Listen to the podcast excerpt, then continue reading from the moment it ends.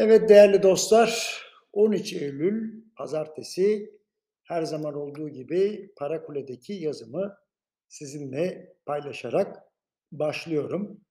Ee, tabii şöyle diyeyim size, bir sakatlık var. Yani sebep, sonuç, etki, tepki bunların hepsi maalesef birbirine karışmış durumda. Şimdi başlayayım en baştan. Her ne kadar enflasyon beklentileri konusunda böyle olumlu açıklamalar gelse de bu sefer ekonomilerin önünde bazı ciddi açmazlar var. Onlardan bahsedeyim. Şimdi küresel büyüme öngörüleri özellikle Amerika'nın büyümesi konusunda garanti diyebileceğimiz hiçbir durum yok. Dolayısıyla parasal sıkılaştırma yine ertelenebilir. Ha, hemen sevineceksiniz, yaşasın para ve sermaye borsaları coşacak diye. Ancak ikinci sorun şu, parasal sıkılaştırma ertelenince küresel tedarik zincirindeki aksamalar da üzerine eklenince emtia fiyatlarının daha da yükselerek yola devam etmesi sonucu ortaya çıkabilir. Özetle bir tarafta fazla para düşük faiz büyümenin garanti altına alınması için devam ediyor ama maalesef arzu edilen sonuç alınamıyor. Diğer tarafta ise, gelecek yıl için ılımlı büyüme, yüksek enflasyon beklentileri artıyor. Yalnız şunu belirtmem gerek. Fiyatlar dünya üzerinde asimetrik şekilde yükseliyor. Yani bazı ülkelerdeki yükseliş diğerlerine göre oldukça hızlı. Hatta kontrolden çıkmak üzere.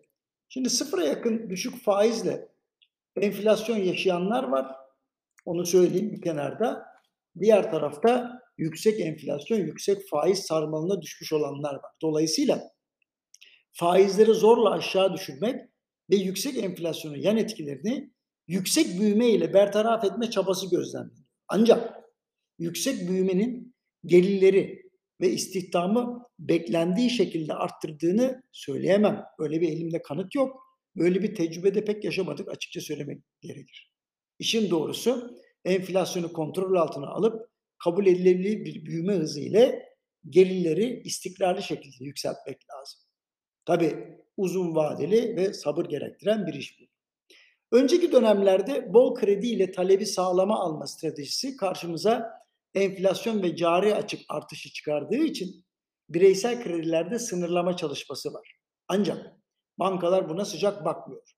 Bazel kriterlerine göre bankalar haklı. Risk yönetimi açısından sağlıklı bir kaynak kompozisyonu karşısında sağlıklı bir kaynak dağılımı gerekiyor ki bankacılık güvenli yola devam etsin. Tüketiciye vermeyin, firmalara verin demek açıkçası pek doğru bir yaklaşım değil. Ayrıca firmalara verilen kredinin de istihdam yarattığına dair bir kanıt yok ha. Yani dolayısıyla burada bir açmaz var.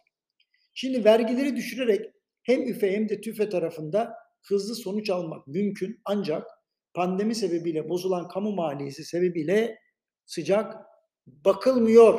Yani ben demiştim yokluk mertliği sınar diye.